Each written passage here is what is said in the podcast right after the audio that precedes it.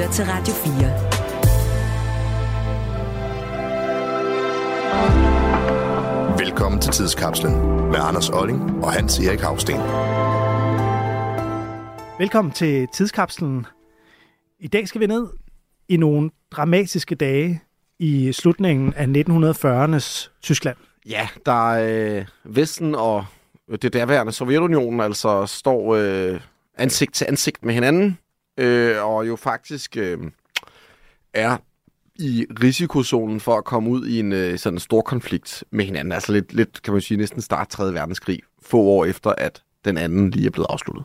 Ja, og øh, centrum for det hele, det er naturligvis øh, Berlin, som ved 2. verdenskrig, 2. verdenskrig, 2. verdenskrigs øh, afslutning øh, er blevet delt i flere dele. En, en del, som russerne kontrollerer, og så en øh, del, som de vestlige magter kontrollerer. Ja, hvor Frankrig, Storbritannien og USA hver har, har en zone, ikke? Mm. Og øh, i takt med, at øh, den kolde krig bryder ud, så at sige, så øh, bliver det jo mere og mere kompliceret at holde styr på det her. Og øh, i 1948, der vil man fra vestlig side begynde at indføre en D-mark i Vesttyskland, og dermed også i de dele af Berlin, som er kontrolleret af vestmagterne. Og der skal man lige huske, at Vestberlin på det her tidspunkt jo ligger ret langt inde i en ellers russisk kontrolleret Østtyskland.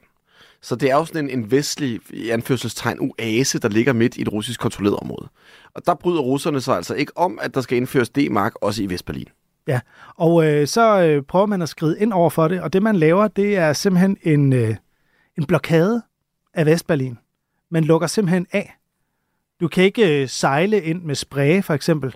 Du kan ikke komme med bil ind. Du kan simpelthen ikke forsyne Vestberlin. Og det er mange mennesker, der drejer sig om, som lige pludselig er blevet spærret ind af russerne. Ikke? 2,5 millioner mennesker cirka. Øh, og det er jo klart, så tænker russerne, så, så giver vestmagterne nok efter øh, og går ind på vores krav.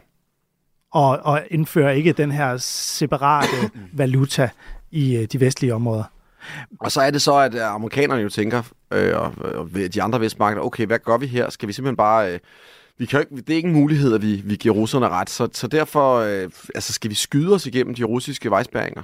Simpelthen sende nogle tanks med vores forsyningskolonner, mm. og det, så skyde sig igennem. Det er en dårlig idé, fordi så kommer vi til at starte 3. verdenskrig. Så er der i hvert fald risiko for, at russerne svarer igen. Ikke? Så, ja. så hvordan kommer vi rundt om det her? Ja.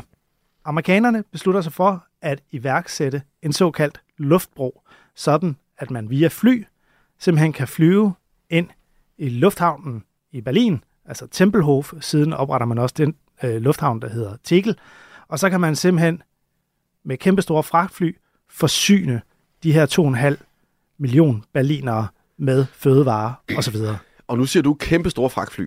Øh, ja, altså de er jo faktisk netop på det her tidspunkt i 40'erne slet ikke lige så store som sådan nogle Hercules-fly, man har i dag. Det er relativt med moderne øjne beskidende fragtfly, og man har prøvet det flere gange før under 2. verdenskrig, og undsætte for eksempel omringede soldater med en luftbro. Og det har vist sig at være en ekstrem stor logistisk udfordring og brødføde isolerede enheder. Her der taler vi altså om en, en millionby, en hovedstad, som nu skal forsynes med alt fra luften. Det vil altså sige fødevarer, men jo også brændsel for eksempel, til at øh, kunne varme øh, huse op og, og, og, og tænde elektricitet osv. osv. Så med andre ord, så er det en logistisk hovedpine. Men hvis der er noget, amerikanerne de er gode til i sådan nogle situationer her, så er det netop logistik. De er simpelthen gode til at få ting og sager frem til modtageren. Det er jo måske, fordi de har sådan et kæmpestort land at øve sig i. fordi øh, man kommer simpelthen op på, øh, i hele den her krise, som var øh, 48-49, der får man simpelthen sendt 200.000 flyvninger, nogle gange mere end 1000 flyvninger i døgnet, som bringer øh, over halvanden million tons forsyninger, øh, hvad hedder det, ind til øh, det belejrede Vestberlin. Og det kunne man gøre, fordi at russerne var trods alt ikke så sure på Vesten, at de turde skyde de her fly ned. Så de fik sådan set lov til at øh, flyve uforstyrret. Og det betød faktisk, at man i den her periode, indtil russerne tænkte, at de, nu gik den ikke længere, nu måtte man give op og give sig, så formår man faktisk at øh, brødføde den berlinske befolkning. Og øh, ikke nok med det, så får amerikanerne så også et propagandafremstød, fordi man begynder at uddele slik og andre søde sager til de vesttyske børn. Og det øh, bliver en ret stor succes, som man så også kan bruge for at fremme kapitalismens vilkår og tegne et, et pænere billede af vestmagterne end de her undertrykkende russere. Så det ender altså med at være en sejr for amerikanerne og de øvrige vestmagter. Det var dagens udgave af Tidskapslen. Du har lyttet til en podcast fra Radio 4. Find flere episoder i vores app, eller der, hvor du lytter til podcast.